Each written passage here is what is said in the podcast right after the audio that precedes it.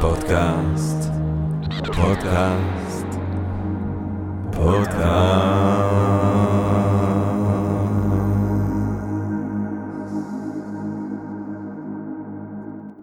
טוב, גבירותיי ורבותיי, ברוכות וברוכים הבאים לפודקאסט של Think and Ring Different, פודקאסט למי שאוהב לחשוב ולשתות. אני ג'רמי פוגל, ואנחנו רוצים קודם כל להודות לסמסונג נקסט תל אביב, קרן הש... איי, לא, לא, לא, דפקתי את זה.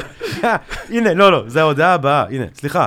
אנחנו רוצים קודם כל להודות, גבירותיי ורבותיי, לסמסונג נקסט תל אביב, קרן השקעות ותוכנה בשלבים מוקדמים שמאפשרת לנו להקליט את הפודקאסט במשחק שלה בשרונה כחלק מתוכנית התמיכה בקהילת החדשנות והיזמות הישראלית! אה, גבירותיי ורבותיי.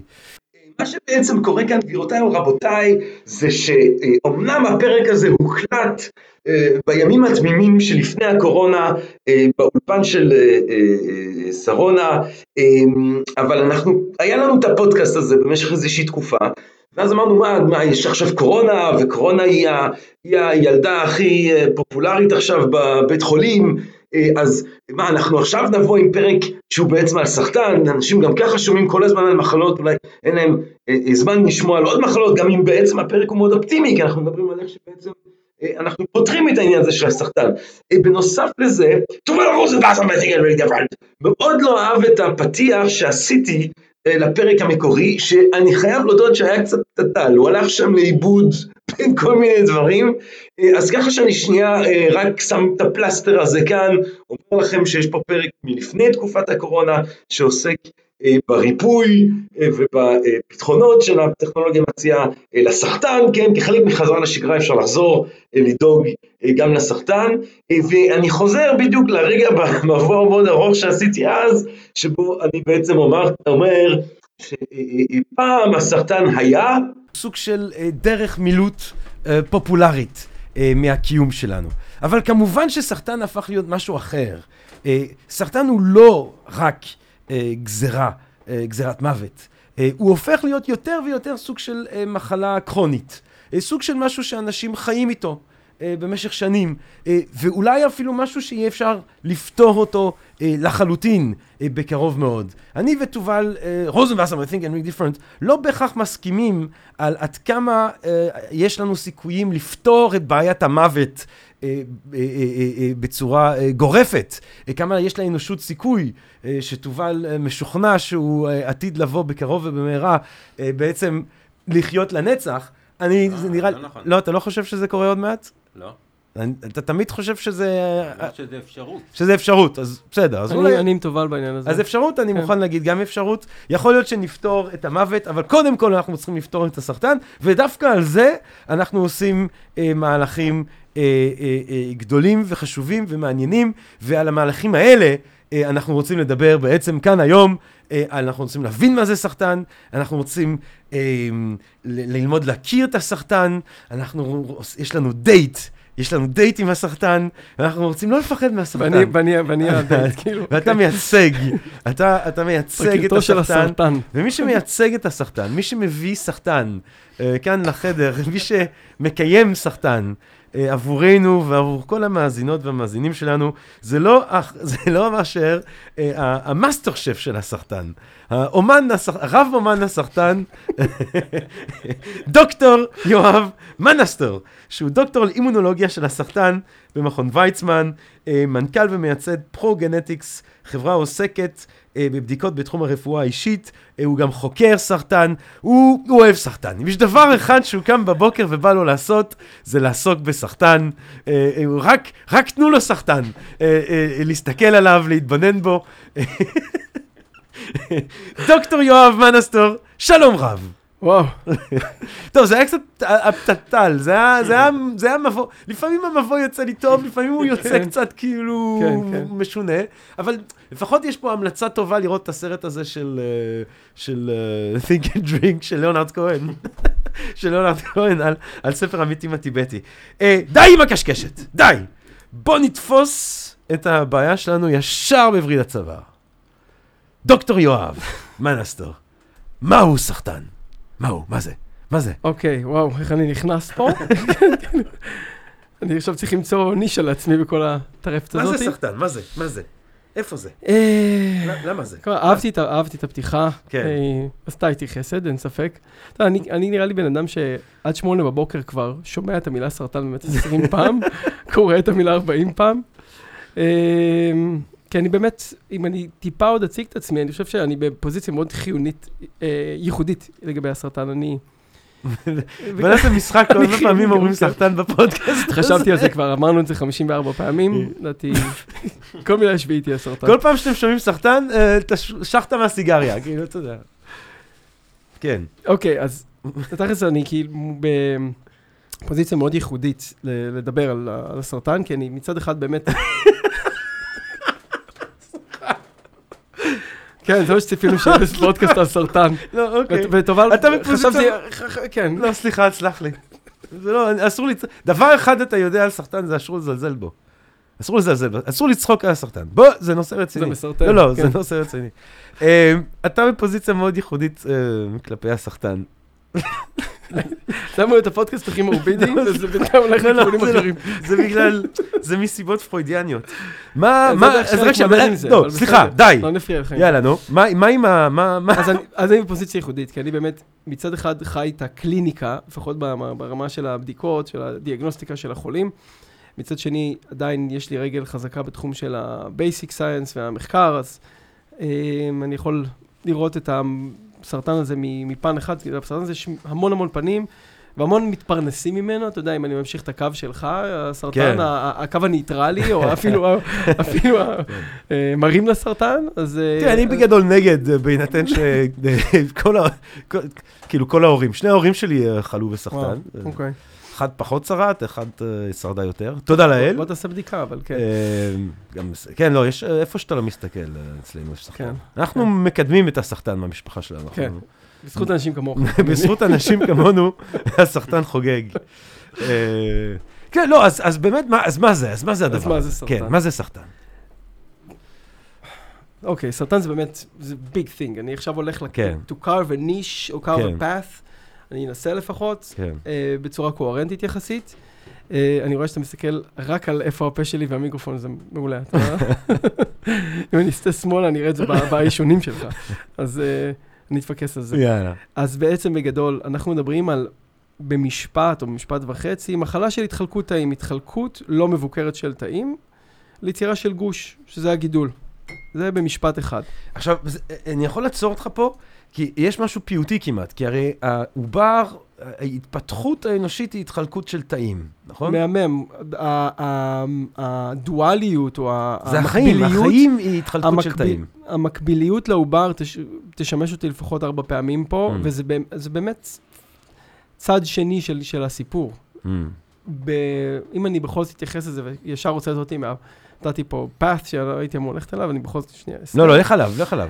לא, אבל ו- כן. ואגיד שבסופו של דבר באמת התהליכים העובריים שטבועים בתאים הם אלה שבסופו של דבר מקדמים את הסרטן. אנחנו משלמים על הנעורים שלנו באיזשהו מקום אה, בזקנתנו. ה-benefits שאנחנו מקבלים מהיכולת של תאים לחדור ולגדול ולהתפתח וליצור יצור מפואר שנקרא אדם, בסופו של דבר התהליכים האלה הם אלה שיקחו אותנו למטה חזרה.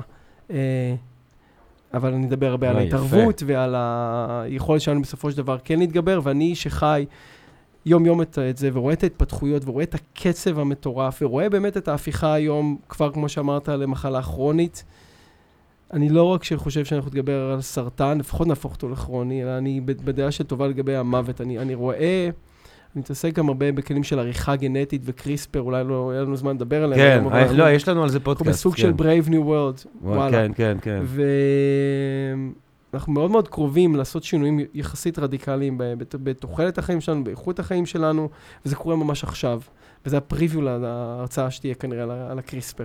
אז, אבל- אז, אז, אבל- אז שנייה, כן. אבל, אבל אז בעצם יש ב- בכבד, או בריאה, אה, או במוח, אה, או בלשון, או בשד, פתאום איזה תא שמחליט, כן, אז בואו ניקח את זה, בואו בוא נעשה ככה איזשהו... אה, שמחליט שהוא חיים הולך שכאלה להשתח- ל- של- כן, של חיים גידול. שכאלה, כן, של אז, גידול. אז, אז כן. באמת, אתה יודע, כשאנחנו מוצאים את הסרטן, אנחנו מוצאים אותו בדרך כלל מאוחר יחסית בהתפתחות שלו, ופעם חשבו שבאמת מחלת סרטן היא יחסית מחלה מהירה, או לפחות חלק מסוגי הסרטן, הם מאוד מאוד מהירים. נניח לבלב, אתה יכול... לבלב, ל- כן. זה- אתה יכול אה, למצוא את, הלבלב, את הסרטן לבלב ולמות ממנו תוך כמה חודשים.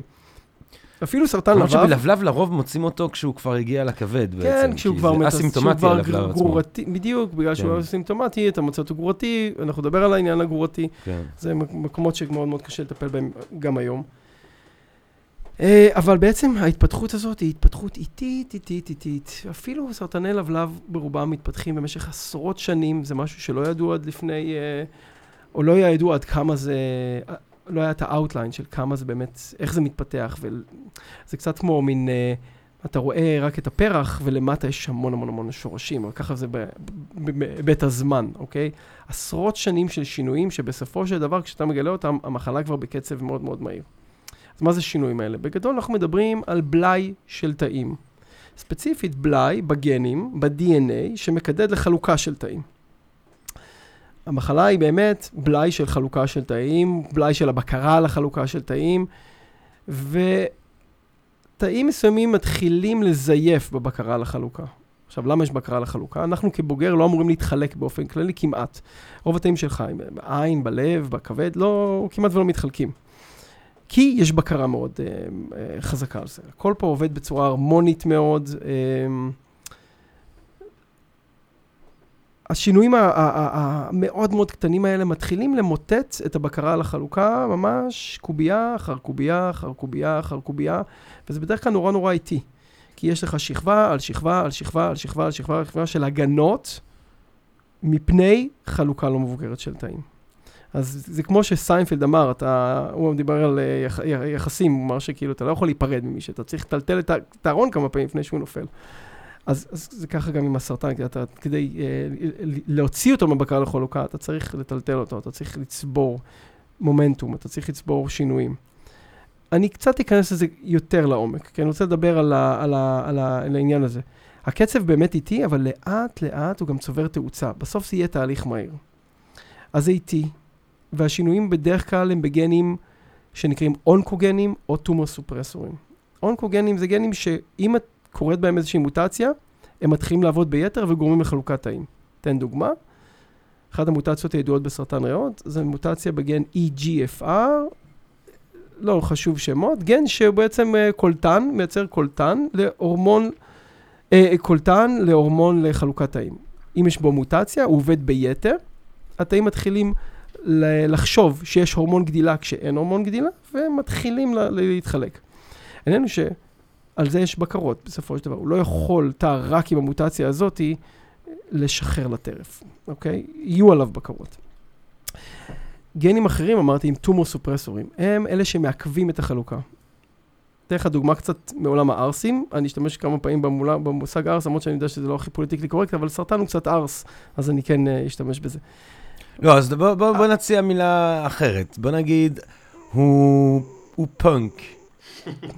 אוקיי, שני punks אוקיי. רבים, ואחד אומר, תחזיק אותי, תחזיק אותי, תחזיק אה. אותי, אז האונקוגן אומר, תחזיק אותי, תחזיק אותי, והחבר שכאילו מחזיק אותו, זה ה tumor suppressor, אוקיי? Mm, הוא מחזיק אותו. mm. הוא רוצה להתחלק, אבל הוא מחזיק אותו. הוא רוצה לתקוף, אבל הוא מחזיק אותו. עכשיו, גם בהם יכולות לקרות מוטציות, בטומור סופרסורים האלה, בבולמי שעשועים האלה, בבולמי אה, זה.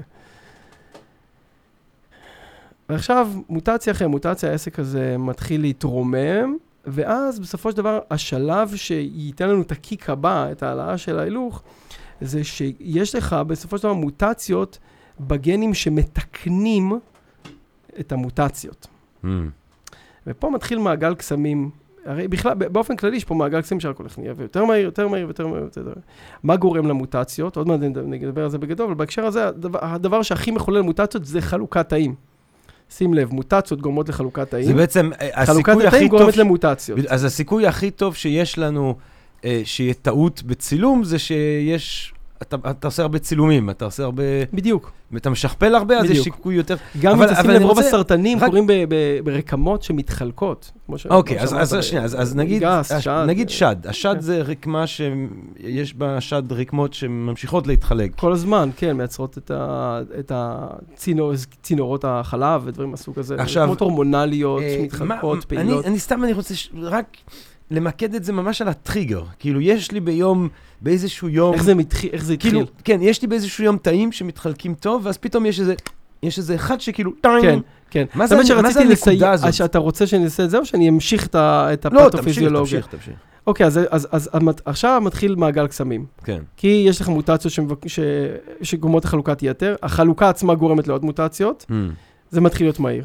עוד, עוד הילוך עלינו, אקספוננציאלי כזה. ממש. ועוד עכשיו אנחנו מעלים עוד הילוך, גם הגנים שמתקנים את הנזקים ב-DNA, ויש לנו כל יום נזקים ב-DNA, ונדבר על זה ב section השני, גם הם נדפקים בסופו של דבר. ואז אין לך גם מי שיתקן את המוטציות האלה. אתה גם קורות המון מוטציות, ומנגנון התיקון הולך ומתבלה, הולך ומתבלה. עוד, עוד הילוך הולך להיות פה. יש לנו checkpoint מאוד מאוד מעניין בסיטואציה הזאת. כשתא צובר יותר מדי נזקים, יש בו תוכנית התאבדות, אוקיי? זה מגניב, זה נקרא אפופטוזיס. התאבדות. זה ממילה היוונית אה, לשלכת אגב. Mm. אמ, אפופטוזיס, ה-last resort של התא. הוא גרם לנזק, הוא, הוא, הוא מלא בנזק, וזה סוג של מוסר גופני נקרא לזה, אם אני הולך איתך. יש איזשהו מוסר פנימי, איזה מצפן פנימי שאומר, אני כזה תא מחורבן, כדאי שאני אתאבד. הלוואי שלאנשים היה את זה באיזשהו מקום, כן? וגם המנגנון של ההתאבדות תאים הוא מקודד בגנים, צובר מוטציות, הם מאבדים את היכולת להתאבד. ואז הם ממש, הם ממש משוחררים לטרף, כמו שאמרתי. הם, הם, הם, הם מתחלקים בקצב מאוד מאוד מהיר, צוברים המון המון מוטציות אה, וח- וח- וחוזר חלילה. עכשיו, תהליכי המקרו. הגידול הזה מתחיל לגדול. אחד הדברים הכי חשובים שהוא עושה זה לחדור ולפרוץ את הרקמה שהוא נמצא בה. וזה מה שאמרת על התהליכים העובריים. הוא שואל, הוא בעצם מפעיל גנים שפעלו פעם אחרונה כשהאדם היה עובר, גנים שמאפשרים לו לחדור רקמות, גנים שממש לפרק את ה, מה שנקרא אקסטרה סלולר מטריקס, את, ה, את כל המרקם הבין-תאי, הוא מפרק, בין אנזימים חותך, מפרק וזוחל החוצה. וזה קורה עם הגדילה, ואפילו, וזה מצאו בשנות ה-70, חוקר יהודי בשם יהודה פולקמן, הוא מייצר לעצמו באיזשהו שלב רקמת או מערכת כלי דם משל עצמו כדי להזין את עצמו. לולא הדבר הזה, זה נקרא אנגיוגנזה, הוא מוגבל לכמה מילימטרים. מעבר לכמה מילימטרים הוא כבר לא יכול לעשות free perfusion, הוא ממש צריך להזין את עצמו בכלי דם. אז זה עוד שלב בתהליך. ודרך כלי הדם האלה, בסופו של דבר, וגם דרך הלימפה, הגרורות, שזאת, זה קו פרשת המים הגדול במחלה. Mm. כי מבחינתנו, סרטן זה בעצם גוש שיש לו פוטנציאל לממאירות, ליצור גרורות. וגם Mm. יכולת הריפוי שלנו, עד לפני כמה שנים הייתה אפס. זאת אומרת, אם לגבי יש גידול גרורתי, בוודאות הוא ימות, Mm. ואם הגידול לא גרורתי, יש מה שנקרא intent to treat, ככה קוראים לזה בקליניקה. Mm. אתה בכלל, intent to cure, סליחה. אתה אפילו, מדברים על זה, כמה שזה מורבידי התחום הזה, מדברים על תרופות שהן intent to cure לעומת intent to prolong בגדול. אז זה הקו פרשת המים. עכשיו, זאת אומרת, החודרניות שנייה, הזאת... שנייה, שנייה, שנייה. אם לבן אדם יש רק, היה רק גידול, איזה גוש, לא מתים בדרך כלל מגידול. בזה, בריאות או בכבד או זה, אז בסדר, אז היה עושה, אנחנו. מכנים את זה שפיר בגדול, זה כן. הכיוון... הב- הבעיה זה ברגע שהוא מתחיל לשלוח אה, קולוניות. החודרניות. כי מה בעצם הסכנה בדבר הזה? המטסטזיס. המטסטזיס, שוב, זה שאול, זה תוכנית שהוא מפעיל מההתפתחות העוברית, כי אתה יודע, בהתפתחות העוברית זה לא רק ש... אני אתן לך דוגמה. הזיגוטה ואחרי זה הבלסטוציטה, מה שמתפתח להיות עובר, הוא צריך לחדור לתוך, בצורה פולשנית, כמו סרטן, לתוך רירית הרחם של האם. ממש באופן אלים, לוקח ופורץ, וזה בדיוק אותם גנים. וגם ההתפתחות העוברית, מעבר לפולשנית הזאת, מלווה בהמון המון נדידה של תאים לכל מיני אזורים שונים, כדי לפתח איברים שונים, והנדידה הזאת, אלה התכונות שבסופו של דבר מופעלות אצל, אצל התאים שיוצרים גורות. מעניין, כי אז זה כוח החיים, כוח החיים בעצם הוא הכוח של, ה, של הסרטן. נכון, נכון. הסרטן הוא סוג של עובר. הוא עובר של המוות. לא של המוות, אפשר לפתור אותו, אבל הוא עובר אה, כועס. הוא כמו האלה, החייזר שיוצא... הוא הכי גרוע שיש. היום אני חשבתי על זה, מבחינת איזה אורגניזם הכי נסטי שקיים עלי אדמות. פרזיט, הוא פרזיט. הוא הרבה יותר גרוע מפרזיט. זה ממש מחשבות שהיו לי אחרי הצהריים. למה? כאילו, כי ניסיתי, כאילו, אתה יודע, לפני שאני הולך לזה, אני הולך, חושב קצת על המקרו. כאילו, גם פרזיט, יש לפחות כוונות להנציח את עצמו, לעבור לדור הבא באיזושהי הוא צורה. פרזיט אובדני. הוא ממש, ועוד מעט נדבר על הבעיה שהוא מאוד מאוד לא יציב גנטית. שוב, אותן מוטציות זה, זה סוג של כוחות על-אבולוציוניים שלא מוצאים בטבע. אין יצור שהוא כל כך מוטנטי, ואפילו לא חלה עליו החובה, ה- שוב, מוסרית במרכאות, להנציח את עצמו לדור הבא באיזושהי צורה. הוא טרוריסט. כוח טבע נוראי, אה, כוח אבולוציוני, הוא לקח את האבולוציה לשיא היכולת, תצוגת תכלית אבולוציונית. איך אתה, איך רק המוט, המוטציה המותאמת ביותר שורדת כאן ועכשיו, ולא צריך אפילו לחשוב על יום שלישי הבא, ברמה העקרונית, אוקיי? אבל בטח לא לאורגניזם הבא, לזה הבא. עכשיו, אני רוצה לקחת אותך, אה, שוב, לפני שנמשיך הלאה, רגע, אבל אני מסיים את העניין הזה, בסופו של דבר הגורות, נכון? כן. איך זה בסופו של דבר כן מביא למוות? עד לאחרונה זה באמת היה גזר דין. אז הגורות האלה נוב, מתרחקות, נובטות באיברים מרוחקים. עכשיו הן כאילו מתחילות מאפס באיבר רחוק, אבל לא, הן כבר מלאות במוטציות. הבקרה על החלוקה, המהירות שבה הן גדלות, הרבה יותר, הן הרבה יותר עצבניות מהגידול המקורי. Mm. ובסופו של דבר, המוות קורה מחדירה, לחץ על איברים, שחרור של רעלנים. העומס, בסופו של דבר, העומס של הגידול, העומס של החייזר הזה בגוף, אה, יכול להכריע את החולים. אני רוצה לחזור לרגע המכונן, לרגע הבריאה, לטריגר. כן, כן. זאת אומרת, אה, יש שד, אה, יש בו אה, התחלקות של תאים. אה, כל תא מוסיף אה, לפעילות הבריאה הרגילה של השד, של הכבד, של מהמם. הריאה, יש הרמוניה, אה, אה, סימפוניה של הגוף האנושי. ממש. אה, אלה החיים, ההוא עם הזקן שמסתובב עם ילד עשר בתא אדם. בחזקת, כן, 10 בחזקת 13 מתאים בגוף שלנו, זאת אומרת, אלף מיליארד תאים, וכל אחד עושה את שלו. וכולם עושים את... מה הרגע, הטיק, שבו... משהו... אבל הרגע הזה קורה המון פעמים, אפילו ביום, והרבה פעמים הגידולים האלה, או כמו שאמרתי, משמידים את עצמם, או שמערכת החיסון משמידה אותם, זה נושא. שאפשר לדבר עליו אחר כך. ואז יש כל הזמן את ואז יש הווידינג הזה, אחד שהוא לא משמיט, כן, שבורח. שבורח. כל הזמן... ויש כל הזמן balance, יש איזשהו זה סוג של. גורמים, יש איזשהו סוג של גורמים סביבתיים ודאי, ודאי. שמעודדים את הבריחה של אותו התא. הרבה אנשים מדברים על על לחץ, או על אה, תזונה, אני יודע מה, כן. או על... כן, אז בגדול, נהוג לחשוב היום... כמובן. כמובן. נהוג לחשוב היום ש-70% מהסרטנים הם סרטנים באמת אה, ספורדיים, סביבתיים, ו-30% הם גנטיים, 10% הם הארדקור מונוגנטיים, BRCA, הגן שאולי מוכר של אנג'לינה ג'ולי, שכאילו, אה, Mm. שיש לך אותו. אגב, זה גן שמתקן אה, DNA. אז אם אתה נולדת עם גן כזה, אז אתה מראש נולד עם קצב יצירת מוטציות אחר. והסיכוי שלך לפתח סרטן, נגיד ב-BRCA1, הסיכוי, ה-lifetime risk לנשאי מוטציה ב-BRCA1 הוא 90% לסרטן השד וכמעט 50% לסרטן השחלות. זה ממש אימננטי. ועם כריתה מונעת של שד ושחלות, רחם וכל מה שצריך, אפשר להוריד את זה ל-10% כמעט לאוכלוסייה הכללית. זה החשיבות של הבדיקות האלה בסופו של דבר. אנחנו בישראל נחשבים לעמק הסיליקון של הנשאות של הגן הזה.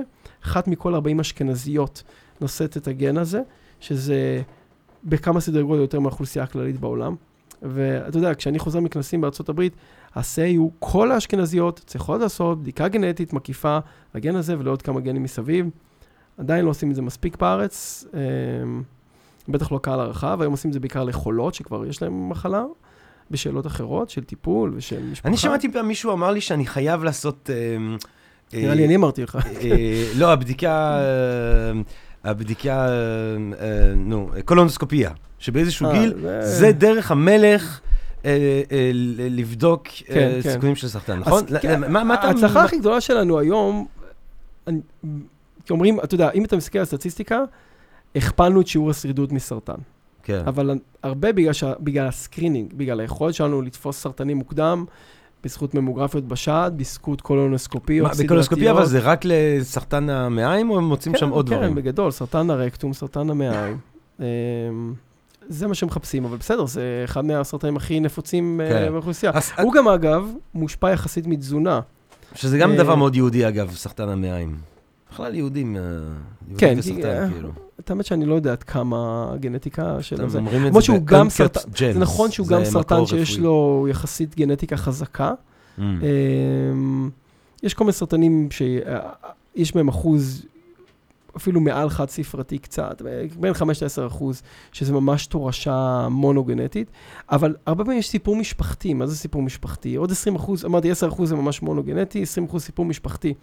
סיפור משפחתי זה אומר שהגנטיקה מורכבת, אנחנו לא, לא כל כך יודעים, הרבה פעמים זה גנים שהם קצת דרדלה בגדול, אבל הם כן מעלים את הסיכוי, ו-70 אחוז הארדקור סביבה, וסביבה זה עישון קודם כל, זה לא להאמין, אני הסתכלתי קצת על הסטטיסטיקות, עישון קודם כל מעלה את הסיכוי שלך לחלות, אה, לחלות בסרטן ריאה בפי 25, והוא כל כך driver של כמות הסרטן בעולם, שממש הוא העלה את כל הסטטיסטיקות של אה, מוות, ו, של, של תחלואה ותמותה מסרטן ריאות, מסרטן בכלל, ועכשיו עם הירידה בעישון, הוא מושך את כל התחלואה למטה והורס לכולם את הפרנסה.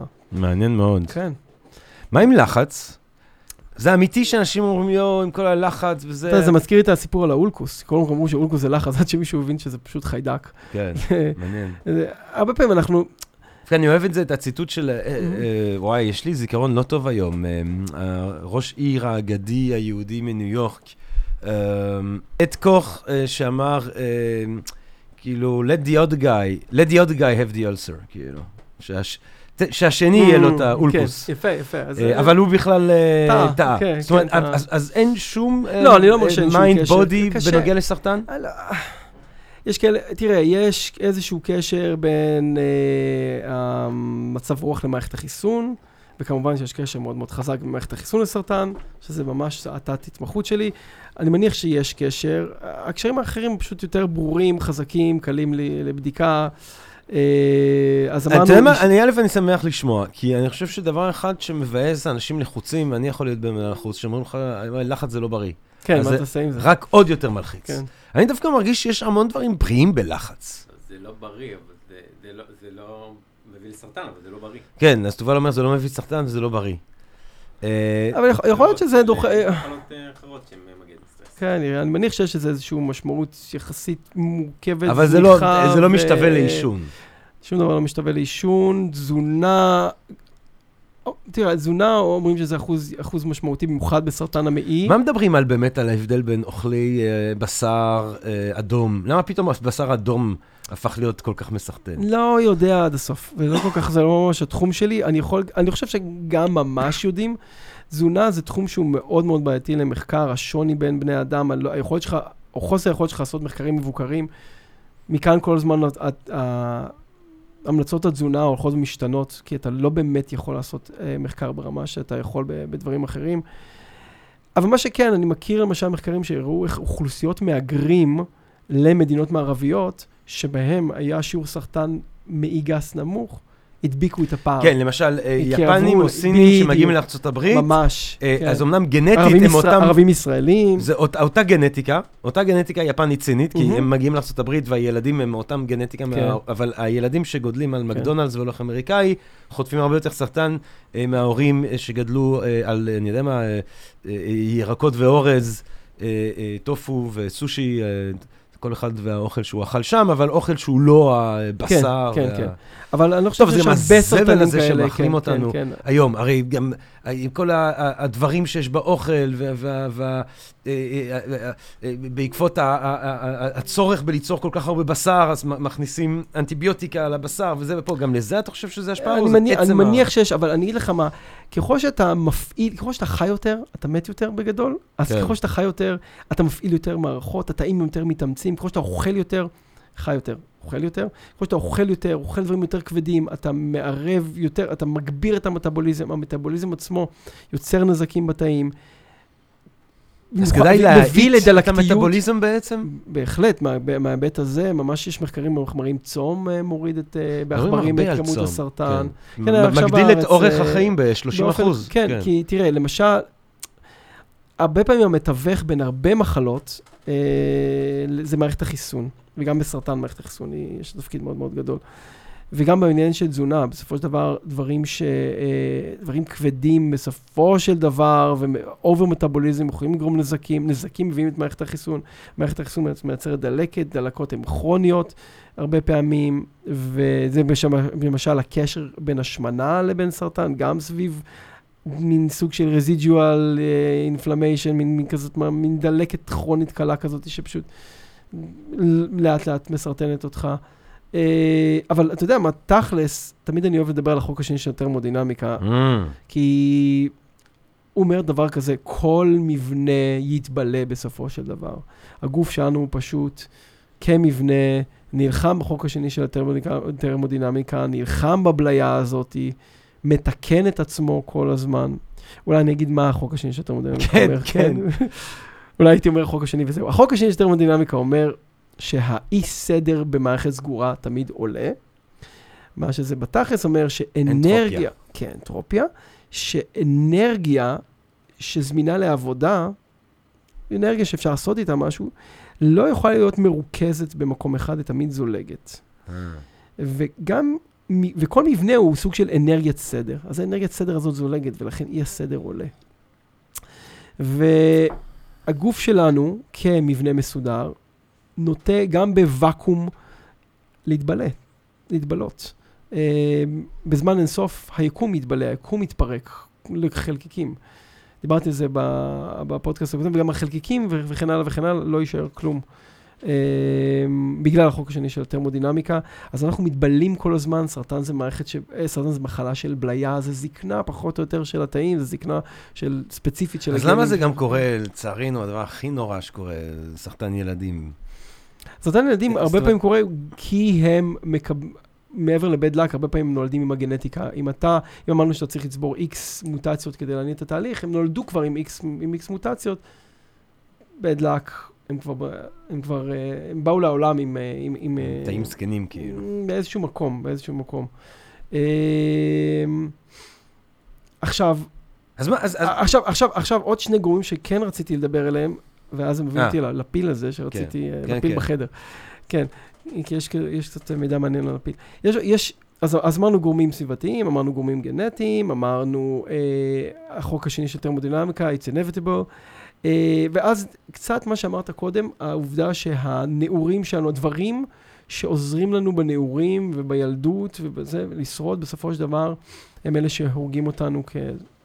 תחשוב על האבולוציה. האבולוציה לא עושה סלקציה אחרי גיל הפוריות. סרטן הוא מחלה שמגיעה אחרי גיל הפוריות. לכן הזקנה הכל כך מעליבה. כאילו חוץ, חוץ מאצל ילדים, כאילו. חוץ מסרטן ילדים, אני אומר. כן, אבל אני מדבר על, על בגדול. שרוב- בגדול, רוב הסרטנים הם סרטנים בגדול זה כבר שלב שבאבולוציה אומר תודה, להתחאות, אה, לא צריך אותך. בדיוק, כאילו. בדיוק. לכן יש... להפך, איפשהו אתה מזיק לשבט. אולי בגלל זה הסרטן התפתח מלכתחילה, כאילו. לא, אז הס- הסרטן סוג של התנוונות, זאת אומרת, המערכת לא עושה סלקציה לכיוון, אני לא חושב שזה זה, זה סוג של השמדה עצמית, זה יהיה מעניין אבל. כי הרי, אה, בשבט, בש- בשבט אתה...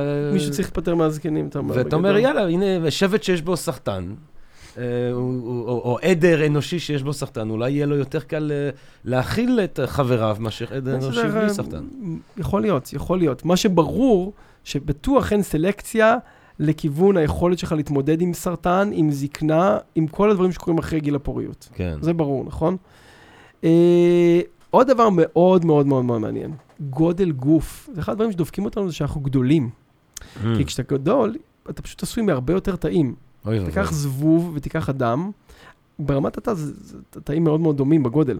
פשוט לך יש האם הרבה יותר יש יותר אז יש לך יותר אה, סיכוי... סרטן לסרטן. לאנשים שהם אה, מטר תשעים וחמש, אוי, מאשר שאלה- אנשים שהם מטר שישים? שאלה מולה, אני לא חושב שזה עד כדי כך, אבל בוא אוקיי. נגיד בין זבוב לבין אה, אדם, יש, יש, יש, אדם הוא באמת יצור בעייתי במובן הזה שהוא באמת, הוא באמת טוב בלתפוס סרטן, כי הוא חי עד גיל מאוחר והוא גדול. עכשיו, הייתה, היה מחקר מאוד מעניין, אמרו, אה, זה הפיל? בדיוק, זה הפיל. איזה עוד חיות אה, מגיעות לגודל גדול? וגיל מאוחר, וכנראה מתמוד... אמורות להתמודד עם זה. פילים פיל. ולוויתנים. פילים, לוויתנים, ג'ירפות, קרנפים, יש אה, איזה 10-12 חיות גדולות כאלה. כן. אבל מה שמצאו, של פילים כמעט ואין סרטן, למרות שהם חיים עד גיל 60-70, שזה בעצם יותר משבן אדם חי בטבע, כן. אה, אוקיי? הם באמת, הם באמת אה, מאריכי חיים, ואין להם סרטן יחסית. והם טבעוניים. אז מה, כאילו הם לא כן, אוכלים כן. אה, בשר. מה מצאו אצלם? אה, זה יחסית לאחרונה, אני לא מדבר על חודשים, ראיתי, יחסית לאחרונה, מצאו שיש להם הכפלות של גן שנקרא פי 53. פי 53 זה אחד הגנים הכי הכי חשובים של סרטן, הוא נקרא אחד הגייט קיפרים, שומר הסף של התא מפני המ- המחלה. אה, הוא אחד הדברים החשובים, הוא עושה את האפופטוזיס, הוא גורם, הוא עושה את ה-initiation, את ההתחלה של האפופטוזיס, של ההתאבדות של התא.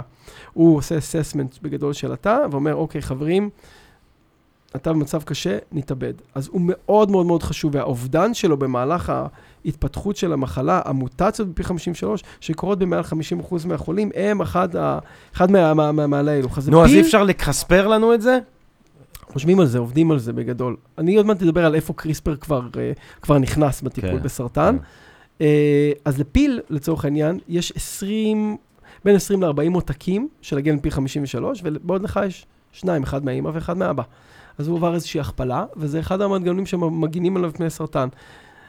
אז, אז היום כאילו מאוד מאוד מאוד מעניין, א', להבין עוד מנגנונים כאלה בפילים, ובכלל להתחיל לחקור אה, קרנפים, ג'ירפות, אה, דברים שיחסית אה, הם גדולים ואין מהם הרבה סרטן, אה, אה, וחיים הרבה זמן. מעניין מאוד. כן, נכון?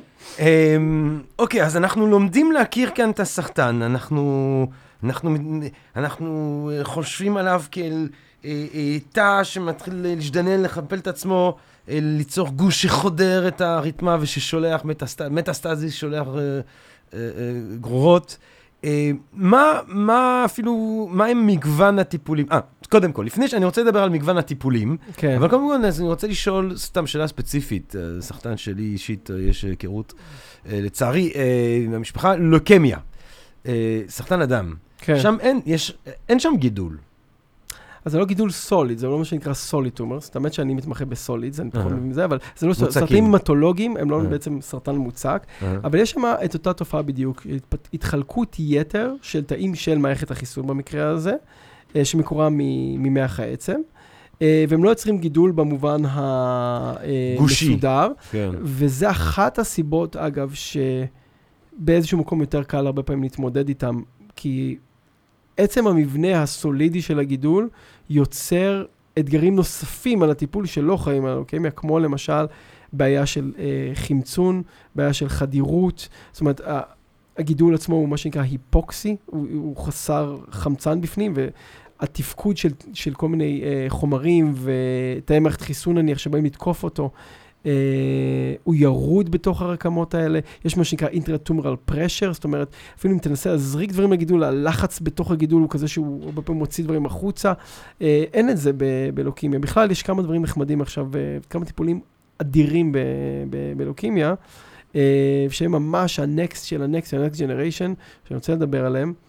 אני אתן preview למי שמכיר, זה נקרא CAR T-Cells, Chimeric Antigen Receptor T-Cells. זה השילוב באמת של הנדסה גנטית וקריספר היום גם. היום כבר לוקחים את זה לכיוון של הקריספר. הנדסה גנטית בטיפול ב- בסרטן, to be continue עוד מעט. הקושי בריפוי, אני רציתי לדבר לפני, ה, לפני ה, הפתרונות, מה כל כך קשה לטפל בסרטן. למה, למה, באמת כאילו, אה, תמיד שואלים, תמיד, אתה יודע, הקונספירציה אומרת, חברות התרופות מחזיקות, בלה בלה בלה בלה. אולי יש פה, קונס- אם יש פה קונספירציה זה מאוד... אה, אז אתה שותף לה בעצם. אם יש, אתה חברת התרופות. בוא נתפוס אותו. אתה יודע, כאילו. תמיד בתיאוריות קונספירציה, כדי שפעות, אתה תמיד... בשביל שתיאוריות קונספירציה תהיה נכונה, בדרך כלל אלפים של אלפים של אלפים של אנשים צריכים להיות שותפים בה, כן. ולשמור סוד בצורה פסיכית. כן. אז זה אף פעם לא באמת יכול. זה טיעון מעולה לתקוף כל תיאוריות קונספירציה. כמה אנשים צריכים להיות מעורבים כדי שת- שהקונספירציה תצא לפועל. במקרה הזה, אנשים, מיליונים על מיליונים של אנשים מתפרססים מהסרטן. אז אה, הם ואיפה כולם אתם, צריכים לשתוק. איפה אתם נפגשים? כשאתם... אה, איפה שכותבים את הפרוטוקולים של זקני ציון. איפה אתם, אה, איפה זה? זה, ב, זה אצל אדון סחטן עצמו? הוא גם מגיע? אז אז מה- מה מה מקשה? מה... מה מקשה? אז, כן. אז זאת אומרת, אני מבחינתי, אתה יודע, זה מטורף שאנחנו חושבים מה מקשה לטפל בסרטן. אני כאילו, אתה יודע, אתה היית נותן לי לטפל בזה, אז אה, זה היה נגמר עם אה, ג'וינט, ו- ותודה ולהתחרות, אתה מבין? זאת אומרת, לא לטפל בסרטן. כן, כאילו, זה זה דבר, זה. כל כך מדהים שאנחנו כן. מצליחים לטפל בדברים כאלה, ולמצוא, ואת הגרועה, ואת הזה, ופה. נכון, נכון. אנחנו כבר אה, אה, שואלים למה למה זה כל כך קשה, אנחנו כאילו כן. מדברים כלקוחות מאוכזבים. אבל- מה, אבל אם כבר, אז אני מה? אגיד לך מה, אפשר להסתכל על זה, על הטיפול בסרטן כלקוחות מאוכזבים, למי שמתייחס לסרטן כמו מחלה ויראלית, אגב קורונה, כן. או, או, או חיידק, שבעצם זה איזשהו א', גורם פולש זר לחלוטין לגוף, שב', האבולוציה שלנו, הם, הם האויבים העיקריים שלנו, חיידקים וירוסים, אז האבולוציה שלנו הכינה אותנו להתמודד עם החיידקים והווירוסים האלה מעולה, והתרופות שאנחנו נותנים הרבה פעמים זה, אתה יודע, משהו משלים ל... אה, לתהליך, עצמו, כמו. חיסון נניח, כן, כן, חיסון כן. נגד וירוס, זה בעצם, הגוף עושה את זה כל כך טוב, אה, בוא אה, ניתן לזה אה, איזשהו. שנייה אישה ואז אנחנו חוזרים. וירוסים, אה, גם הם פועלים לפי ההיגיון האבולוציונרי? זאת אומרת, גם הווירוס הוא... יש שם גנים שרוצים לשכפל את עצמם ו... ו- ו- כן, כן, גם לווירוס יש לב במרכאות. כן, אני אומר... אבל לא. לסרטן. נכון. כן. כי גם לווירוס, הווירוס בסופו של יום, הוא- הוא נוכל לא קטן, אוקיי? אה, הוא באמת, מה זה וירוס? זה מקטע DNA מאוד מאוד קטן, אה, עטוף באיזושהי מעטפת חלבונית, קופסה קטנה כזאתי, שחודר לתא, משלשל את ה-DNA הקטן הזה. בסופו של דבר לתוך גרעין התא, או מבחוץ, אבל זה אותו אפקט. בסופו של דבר משעבד את התא להתחיל להתייחס ל-DNA שלו ולא ל-DNA העצמי, או פחות ל-DNA העצמי. ומה כתוב ב-DNA שלו? כמו באליסה פרץ הפלוט, שכפל אותי, אה, כאילו, תאכל אותי, שכפל אותי. זה בגדול מה שכתוב. ואז הוא מתחיל לשכפל את עצמו עוד ועוד ועוד ועוד ועוד. הוא יכול להיות בשתי פאזות, הוא יכול פשוט להיות רגוע בתא ולחכות עד שהתא עצמו יתחלק, וככה הוא מתרבה. או לייצר בבת אחת מאות וירוסים עד שאתה מתפוצץ, כי הוא פשוט לא עומד בעומס הווירוסים, והוולדות של הווירוסים תוקפים את, ה, את התא השכן. אז הווירוס הזה הוא בעייתי, כי וירוס גם משתנה יחסית מהר, אבל עדיין יש לו איזושהי רמה של מוסר אבולוציוני, קורא לזה, זה כמו מושגים שחשבתי עליהם אחרי הצהריים, בגלל שיש לו צורך כלשהו להיות פידל, אה, אה, בפידליטי לעצמו, כן. בקו, בקו, בקוהרנטיות. כן. כי, כי הוא צריך להשתפר, הוא צריך לשמור על הדברים הטובים בו ולהשתפר. מה זה צריך? הדברים, מי שמשתפר אה, שורד באבולוציה. אבל הסרטן, במובן הזה, אה, אין, אין עליו את ה... אה, הוא, הוא לא הולך לאנשהו. הוא לא הולך למאחסן אחר. כל שינוי בו, ש, אה, אה, אה, ולא משנה איפה, שגורם לו פשוט לתא הספציפי הזה להתחלק יותר, הוא, אה, הוא קיים, אוקיי? אין לו בכלל איזה burden של, אה, של שכפול הדור הבא. יואב, אז מה, אז מה, אז, אז, אז נחזור לעניין שלנו. מה, מה, מה הקושייה? כאילו, מה, מה מקשה על אז טיפול בסרטן? הקושי בגדול, שזה רקמה עצמית. זה לא וירוס, זה לא חיידק, זה לא חייזר שחותם לך על הגוף, זה תאים שלך. אז מה, אז לנו מאוד קשה, ואחרי זה אני אולי אדבר קצת על מערכת החיסון, אבל זה אותו עיקרון, לנו מאוד קשה להבחין בין עצמי וזר. אתה צריך, כשאתה עושה דיזיין לתרופה, משהו שיתקוף את הסרטן ולא יתקוף את הגוף, למרות שההבדל הרבה פעמים בין הסרטן לבין התאים של הגוף הוא, הוא, הוא במיקרו של מיקרו של מיקרו אחוזים. אז אתה צריך, אתה צריך מרקרים, אתה צריך סמנים טובים שיעירו לך את הדרך, והרבה פעמים אין אותם. והכי גרוע, וזה מתחבר למה שאמרתי קודם, גם כשיש לך את הסמנים ויש לך מרקרים שאתה אומר, אוקיי, עשיתי דיזיין לתרופה, יש לי תרופה נגד המרקר, הסרטן הוא הטרוגני בטירוף. לא רק כל אדם שונה בסרטן שלו מאדם אחר, אלא כל גידול שונה מכל גורה, כל גורה שונה מת- מתוכה, ובתוך כל גוש יש לך שבטים שונים עם הרבה פעמים גנטיקה שונה לחלוטין. אז נניח שתקפת איזשהו סמן מסוים שיש בחלק מהשבטים, בחלק מהגושים, אתה מחסל את השבטים האלה, השבטים האחרים שאין להם באופן רנדומלי את המרקר הזה, הם מס- מתפשטים, משגשגים. זאת אומרת, זה לא רק שהוא כל הזמן עובר אבולוציה, ל- ל- ל- להתחזק, להתחלק יותר, לשרוד יותר, לשגשג יותר בגוף, אלא גם הוא עובר סופר אבולוציה כנגד כל תרופה שתפעיל עליו. כל תרופה שהיא חד-חד ערכית, בוא נתקוף את המרקר X. אתה כורת, כשאתה מכוון תרופה נגד מרקר, אתה כורת את הענב שעליו אתה יושב, אתה אז מחסל את בכל המרקר. זאת, אה, אה, יש... אה, אה, אבל יש. בוא נעבור, אז אה, בוא נדבר על מהם האופציות כרגע ומה עומד על הפרק או באופ- באופק. יאללה. יש, אה, אה. אה, אה, קודם כל כימותרפיה. אומרים סחטן, חושבים על כימותרפיה. מותג. למה? מותג, בדיוק. עכשיו כימותרפיה, אם אני מבין נכון, זה בעצם להרעיל את הבן אדם בתקווה שהסרטן ימות לפניך. ממש ככה. כי כימותרפיה מגלמת את, את הבעייתיות שאמרתי בין העצמי, בין, בין העצמי לזר, בין העצמי ולסרטן. כימותרפיה זה קצת כמו להטיל פצצת אטום על הגוף. אתה, מחו... אתה מכניס לגוף חומר מאוד מאוד רעיל, שהוא רעיל יותר לסרטן, במובן הזה שהוא רעיל לתאים שמתחלקים. הוא עושה נזקים ב-DNA, ותאים שמתחלקים הרבה פעמים אה, חשופים יותר ל... ל... ה-DNA שלהם פתוח, חשוף. אה, וגם הם לא יודעים כל כך לתקן את הנזקים בגלל שיש להם מוטציות. בסופו של דבר, תאי סרטן או תאים, מת- ותאים מתחקים באופן כללי רגישים יותר לכימותרפיה. אז כשאתה עושה כימותרפיה, אתה בדרך כלל, הרבה פעמים בקו ראשון יש הצלחה יפה, יש תגובה יפה לסרטן, אבל בדרך אתה גם משמיד תאים אחרים שמתחקים, שיער, מעי אה, וכולי וכולי. אה, ואתה מאוד מאוד מוגבל בדוס. זאת אומרת, יכול להיות שהרבה פעמים כימותרפיה הייתה נותנת עבודה יותר טובה, אם היית יכול להרוג את החולה. היית יכול כאילו. להעלות את הכמות, אתה, אתה כל הזמן מוגבל בכמות של כן. הטיפולים גם, ב- בדוס של הטיפול, זה משהו שאנשים... לא, כאילו, אה, אם היית יכול לא להרוג את עליו, שיכול להיות לך משהו, אם יכול היית, להיות לך אם תרופה היית יכול טובה, אבל להרוג אתה את לא יכול... החולה, אה, היית יכול אה, בדיוק, בדיוק. לנצח את הסרטן. לגמרי, לגמרי. אה, אה, אז זה, אז זה, ומה זה אחד ומה הדורות- הנזקים? אז אז בעצם זה הדברים הנוראים שאנחנו מכירים, יש גם, כן, נזקים לטווח ארוך, לפעמים אפילו סרטן בשנים מאוחרות יכול להיפתח מטיפול כימותרפי מוקדם. כן. אה, אבל זה, זה מה, ש, מה שנקרא, הייתי אומר, זה second generation מתוך כמה וכמה, כאילו, התחילו עם הקרנות כבר, אה, שזה משהו מאוד מאוד דומה, איזשהו נזק כזה ל-DNA. התחילו כבר ש- הקרנות לפני 100 שנה, וכימותרפיה כבר לדעתי. והיה גם איזה אה. רגע שאימונותרפיה הייתה... הא, כן, האופציה אימונותרפיה עד ש- זה אהבת חיי, כן. אבל אז אה, אז בוא נתחיל שנייה, בוא נעשה את בוא, כולם. בוא נחזור בוא על זה. נעשה הקרנות. אז אמרנו הקרנות. מה- מה- מה קורה בהקרנות? אני- בגדול אנחנו מ- מפציצים את ה-DNA באיזושהי אנרגיה אה, שעושה נזקים, ואז זה דומה לכימותרפיה במובן הזה שהנזקים ב-DNA זה משהו שתאים סרטנים יודעים להתמודד איתו פחות, והם חשופים אליו יותר. אז אז- זאת אומרת, אז אז פה אני אני צריך כאילו במנגנון, להקרין את האנרגיה ממש על הגוש. ככל, כן, הקרנות אה, יותר ויותר ממוקדות יש היום, וגם בהקרנות יש הרבה מאוד התפתחות, אבל אני כמעט ולא מתעסק בזה ביום-יום. כימותרפיה... אה, אה, דיברנו על. כימותרפיה, אימונותרפיה.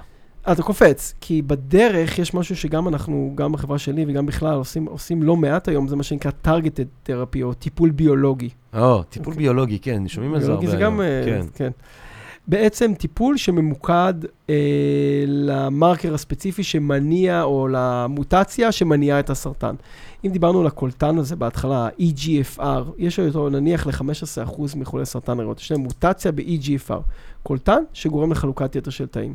אז במקום לתת את הפצצת אטום הזאת בדמות הכימותרפיה או ההקרנה, אתה פשוט יכול לשלוח נוגדן ספציפי, שזה איזשהו חלבון, איזשהו מולקולה שיודעת להיקשר ולחסום מאוד מאוד אה, טוב וספציפי, פה כן יש לך ספציפיות מאוד מאוד מאוד מאוד גבוהה.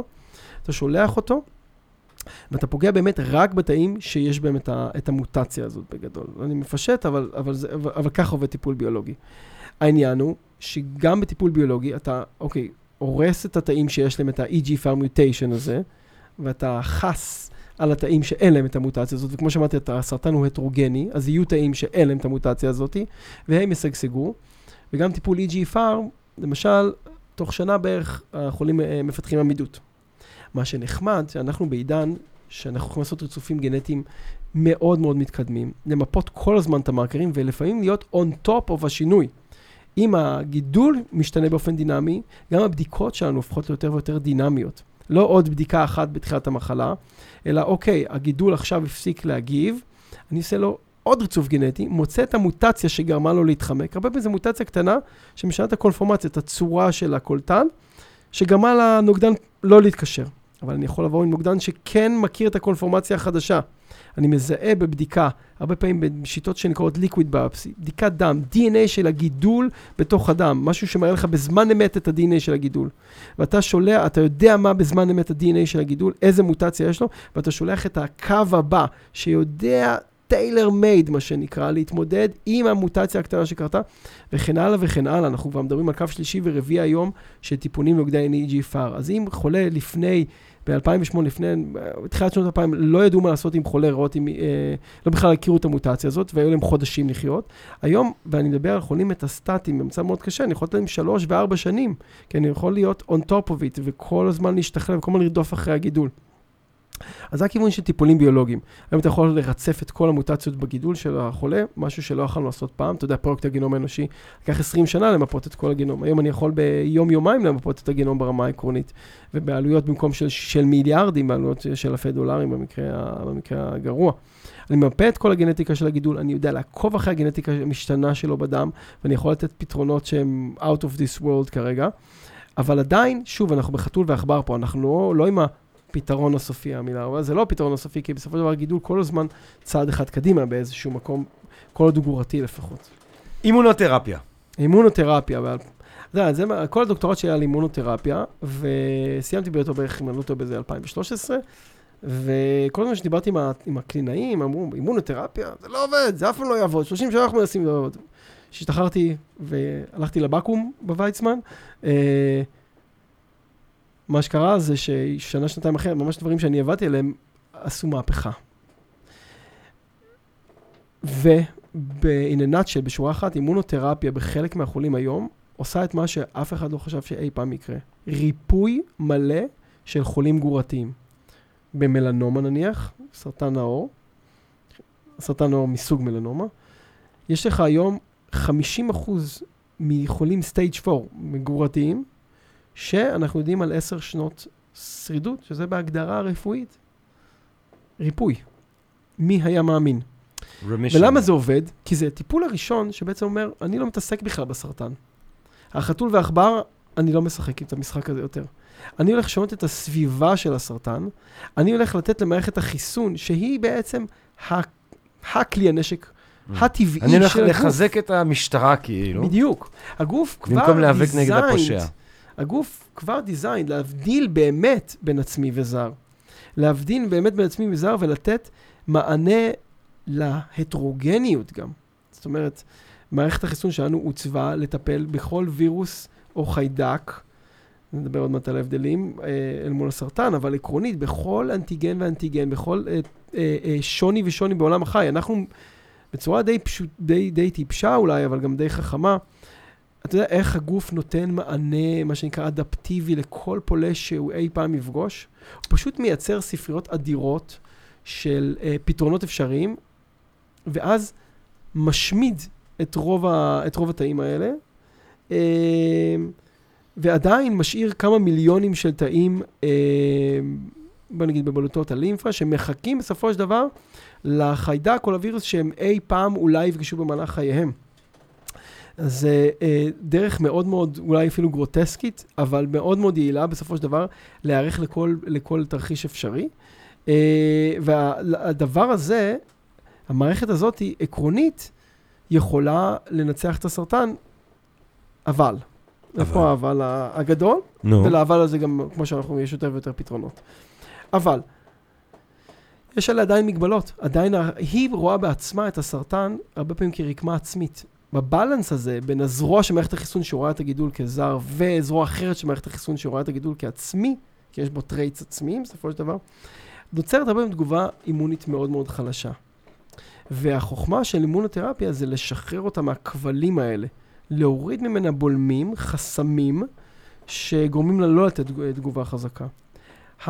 ב-2015 נכנס הטיפול הראשון, שנקרא Keytruda, היום יש כבר ש... אני בערך חמש או שש תרופות ממש דומות על אותו מנגנון, כולם בקליניקה וכולם, ובהרבה מאוד חולים זה עושה עבודה מאוד מאוד יפה.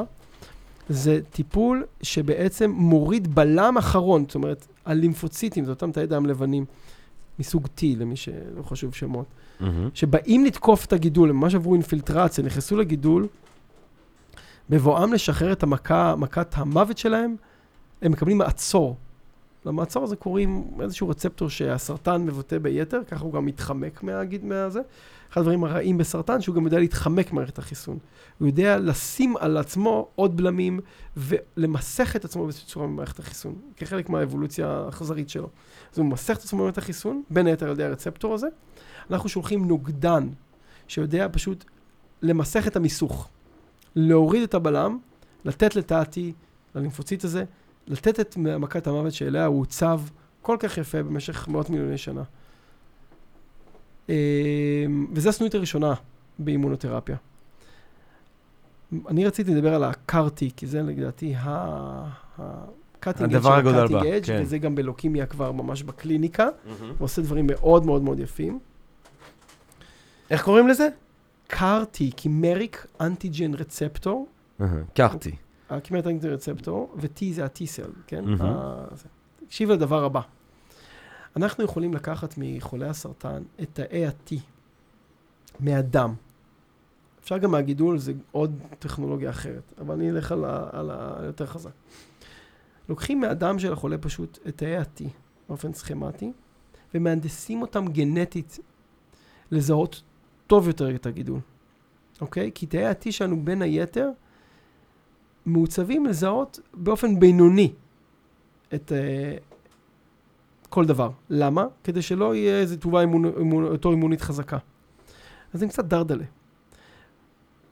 מה... מהנדסים אותם גנטית לבטא איזשהו רצפטור, ה chimeric antigen receptor, שהוא הרבה הרבה יותר חזק, המושג הוא אפיניות, יש לו אפיניות הרבה יותר חזקה לתאי המטרה.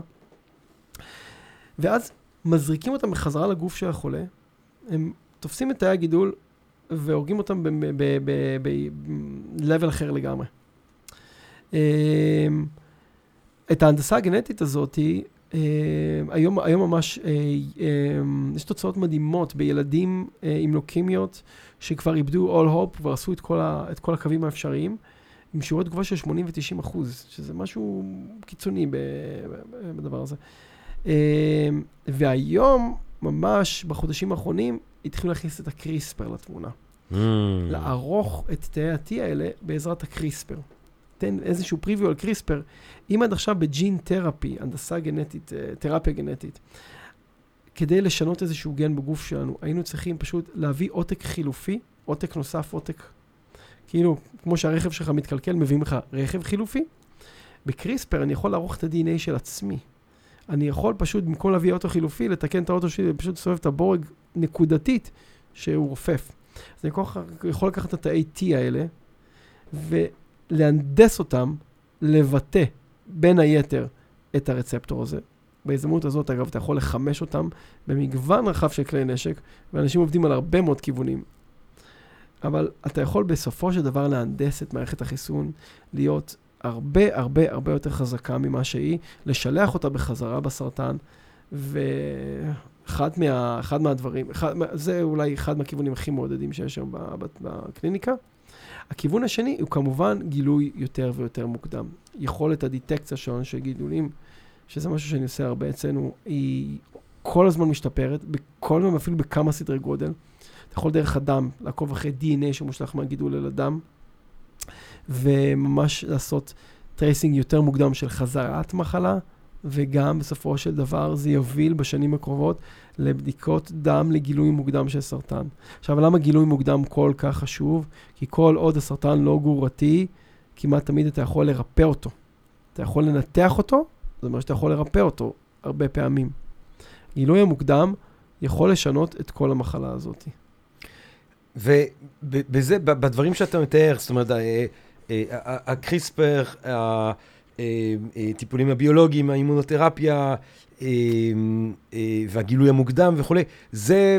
זה מה שיש באופקים, אין איזה מדע בדיוני כאילו מעבר לפינה. לא, לא, לא מספיק מדע בדיוני יותר. לא, זה אני, זה מדהים, זה מדהים, זה. טירוף. לא, עקרונית אתה גם כאילו יכול... להנד- מה הנק פלוס אולטרה? כאילו מה אה, ה-Unified אוקיי. Theory of Everything שאתם מחפשים בעולם חקר הסרטן? תראה, אז קודם כל, early detection יחסל את זה.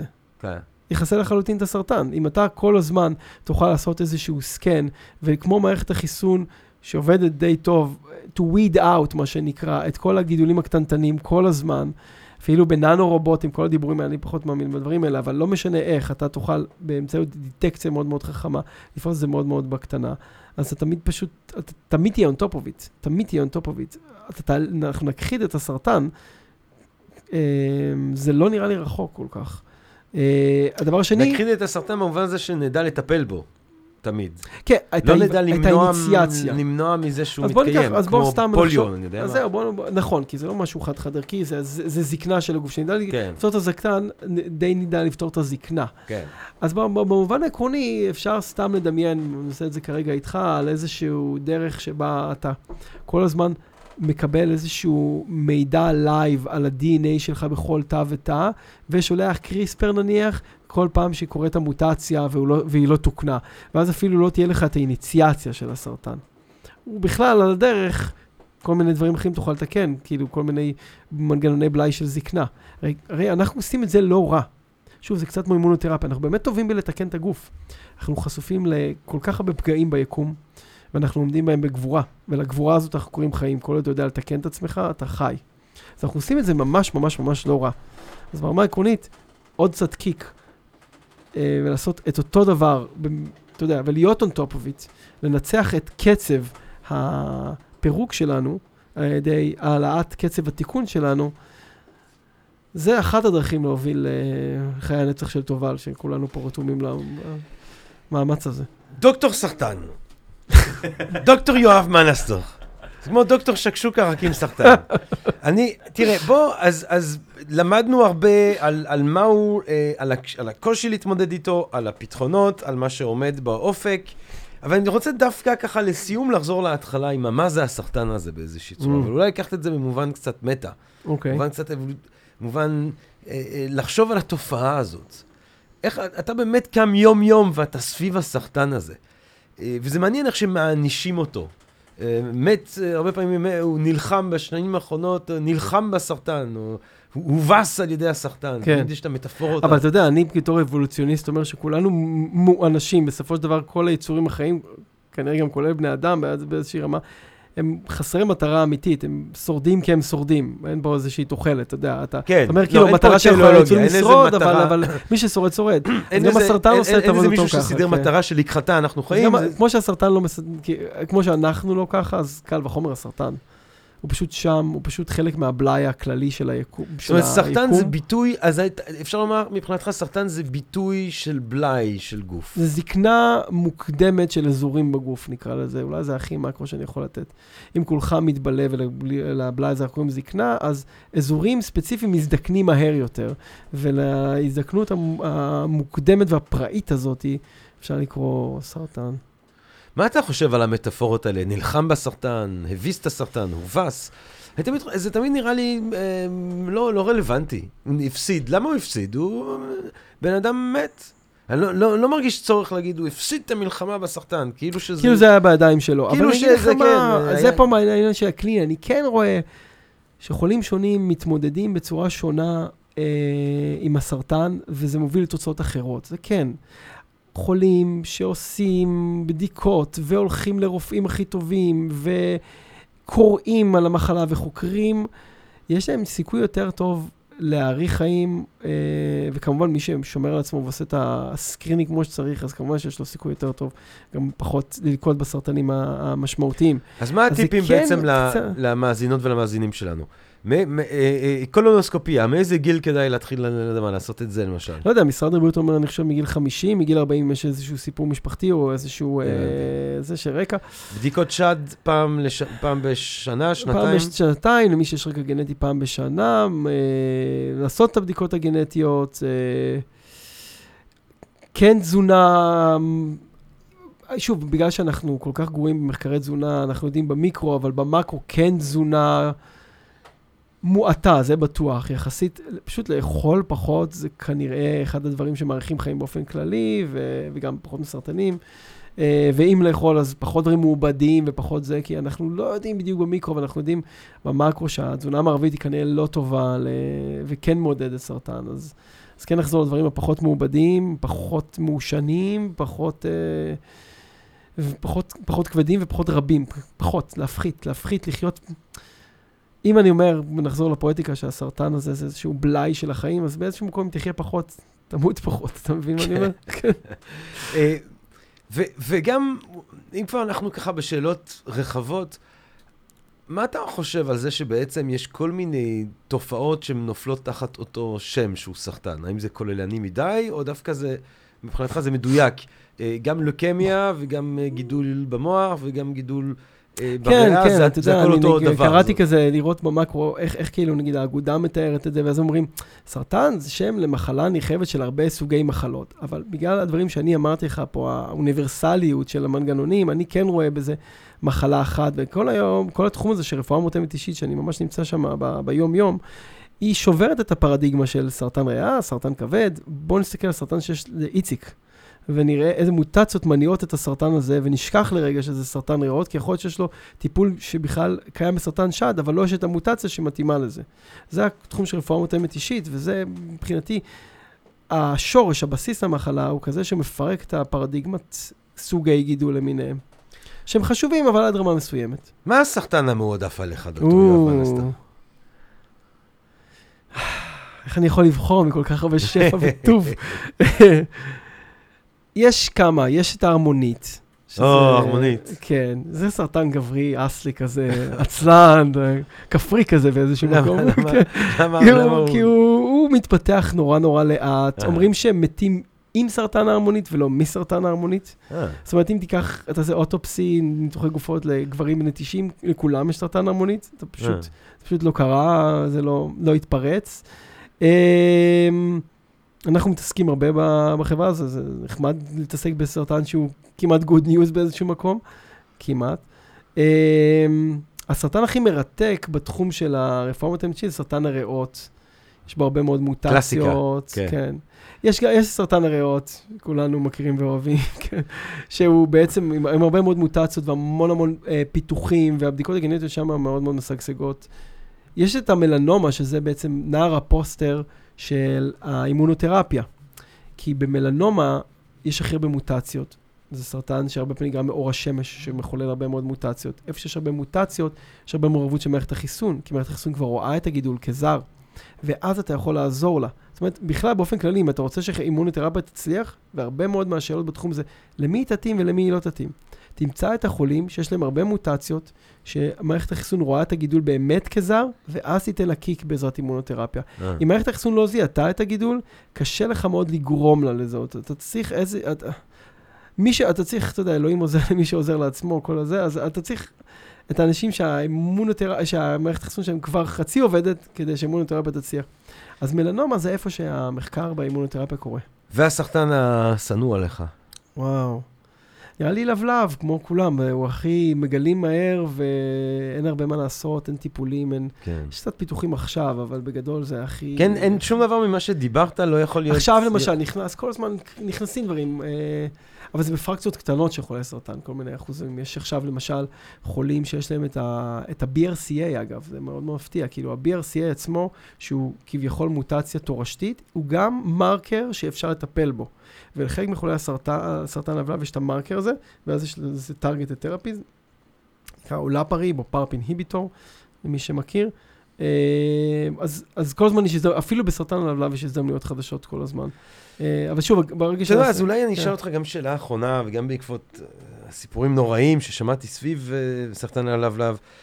יש, וזה, וזה מוסדות ממש בחו"ל, קנדה, גרמניה וזה, שמציעים כאילו טיפולים, תמורת המון המון כסף. יש טיפולים, וכן יש תגובה, כימותרפיה. לא, אני מדבר אפילו על טיפולים שהם על גבול, זאת אומרת, מה שאני רוצה לשאול אותך זה מנקודת מבט של מישהו שסובל מדבר כזה, איך אתה יכול לדעת שאתה ממש מחפש ואתה חוקר באינטרנט, אה, ויש ממש מוסדות, אתה יודע, שבו וואי, אתה זה הולך ואתה משלם, שאלות, כי זה בהרבה תחומים, אתה משלם אלפי כן, כן. דולרים וזה, ויש איזה רופא עם משהו, ופה... איך, איך, איזה כלים אתה יכול להקנות לאנשים כדי שידעו שמדובר בסוג של שרלטן? כן. כשזה נוגע לתחום ש... שהוא כל כך כואב, שמעורב בו כל כך הרבה הדרך סבל. הכי פשוטה זה פשוט לקבוע אה, פגישה עם אונקולוג אמיתי. כאילו, אונקולוג, יש 200 כן. אונקולוגים סך הכל בארץ. כן. אה, אונקולוג בכיר, הוא, יעשה, הוא יסדר לך, הוא, זה התפקיד שלו. הם לא מנתחים, הם לא עושים שום דבר, הם רק בוחרים את הטיפולים. אז הם יודעים הכי טוב בג- בגדול להגיד לך מה עובד ומה לא עובד. כמובן שכדאי ללכת ליותר מאחד נניח, כי עדיין יש דעות, אחרת זה היה אה, תחום מת, שני אונקולוגים יגידו לך דברים שונים, אבל אם, אם שני אונקולוגים בכירים אומרים לך שזה קשקוש מוחלט, זה כנראה קשקוש מוחלט, הכי פשוט. אם אתה בכל זאת רוצה לעשות את החקר בעצמך, אחד הדברים הכי חשובים זה לדעת אם זה מומלץ על ידי ה-guidelines, קווי ההנחיה. הרופאים עובדים בקהילה, אה, ובדרך כלל לקהילה הזאת יש קווי אה, הנחיה עולמיים. יש NCCN guidelines האמריקאי, יש European guidelines. אה, מה שמגיע לגיידליין זה סוג של עובר את הסף של ה-level of evidence, שזה סביר משפטית לאונקולוג. אונקולוג שעושה פעולה וזה בגיידליינס, מבחינת קביל משפטית ברמה עקרונית, אז, אז, אז זה אם אתה רוצה לעשות את המחקר. אבל זה, זה, זה, זה כאילו, יש אנשים שזה התפקיד שלהם בדיוק. הם אפילו לא מטפלים כמעט, זה רק אינפורמ... הם כאילו סוג של אנציקלופדיות, שזה מה שהם אומרים לעשות, האונקולוגים. להבדיל ממנתחים, אורתופדים, כירורגים. הם יושבים, קוראים את התיק, רואים את הבדיקות ומתאימים את הטיפול. דוקטור יואב מנסטור, uh, מה אני אגיד לך? שנהיה בריאים, הכי חשוב בריאות, שתצליח במה שאתה עושה, שתרפא את, ה... את המגפה הנוראית הזאת, אחד, uh, אחד ולתמיד. אה, שתזכה על זה בנובל, ושנזכה כולנו לחיי נצח. לקחתי, גם אם יהיה, גם אם שום דבר לא, לא יתממש עדיין, אני אמור להגיד שגם אם משהו יתממש, אבל כן. אני חושב שאנחנו באמת בשורה התחתונה על טיל, כולנו, כל האנושות על טיל בדרך למעלה, גם בגנטיקה, גם בסרטן, ואנחנו... וואי, אופטימי. אני כאילו. אחד האנשים שכן חושב, לא בטוח לחלוטין, שנמות משיבה טובה הדור הזה. יכול להיות שאנחנו הדור הראשון שחלק ממנו היא כבר יחיה אחרת, וימות אחרת. מעניין מאוד. טוב, עם הנימה הזאת, האופטימית, מלאת התקווה והמסתורין, אה, מדוקטור יואב מנסטור, שיודע על מה הוא מדבר, דוקטור סרטן. אה, אה, הלוואי עלינו, מה אני אגיד לך? לי אין שום חשש זאת אומרת, מה זה שום? זה מוגזם, כי אני חושב, אה, אתה יודע, השאלות המובנות מאליהם, איך האנושות תתמודד עם עולם שבו אנשים כבר לא מתים, אה, אה, מה אנשים יעשו, איך... איך, איך, איך... זה פודקאסט. אנחנו צריכים לעשות על זה פודקאסט, איך, איך זה יתנהל, איך זה אמור להתנהל, איך אפשר יהיה אה, בעצם, נגיד, לשבור אה, אה, אי צדק חברתי, אה, אי שוויון חברתי, כשאנשים ש... בעלי כוח הם לנצח ואין איזה, כן. איזה הורדת אסלה כל מאה שנה. אי שוויון רפואי נקרא לזה, אה, כן. בין השאר. אז, אז אה, אה, אלה שאלות מדאיגות, אבל מבחינת המהות, אה, תן לי, תן, תנו לנו מבחינתי, תנו לנו עוד זמן. אני לא רואה את עצמי, אה, אה, אה, אני לא רואה את עצמי מתחיל להשתעמם או לאבד סבלנות לתופעת החיים, למרות שלך תדע, כאילו, יכול להיות שמתישהו זה ישתנה, חס וחס, אבל אמן, הלוואי. מה, אני אגיד משפט אחרון, מה שקורה עכשיו עם המוות, לדעתי זה מופרך. יום יבוא ונסתכל על זה ונגיד, מה? והשלמנו עם זה? אתה מבין? מעניין, מעניין מאוד.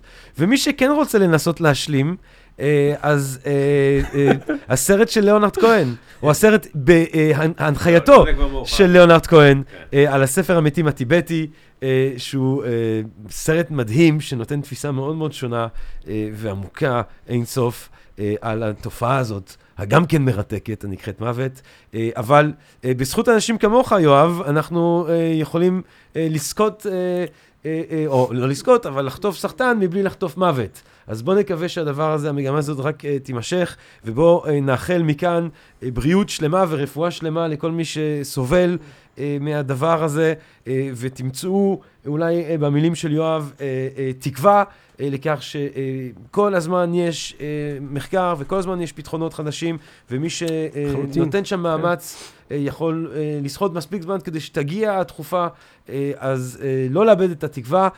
אנחנו מודים לכם מאוד, מאזיני הפודקאסט שלנו, הקדושות והקדושים, תהיו בריאים, שיהיה רק טוב לכולם. תודה רבה לדוקטור יואב מנסטור. Uh, תבואו ותשמעו את ההרצאות uh, של יואב uh, ב-Think and Drink ובפורומים אחרים, ואני מקווה מאוד שנהניתם מהפודקאסט הזה שלנו כאן היום, וגם תהנו מהפודקאסטים האחרים שהקלטנו, מהאלה שעדיין נקליט בעזרת השם. תודה רבה, תהיו בריאים ונשתמע. פודקאסט, פודקאסט, פודקאסט.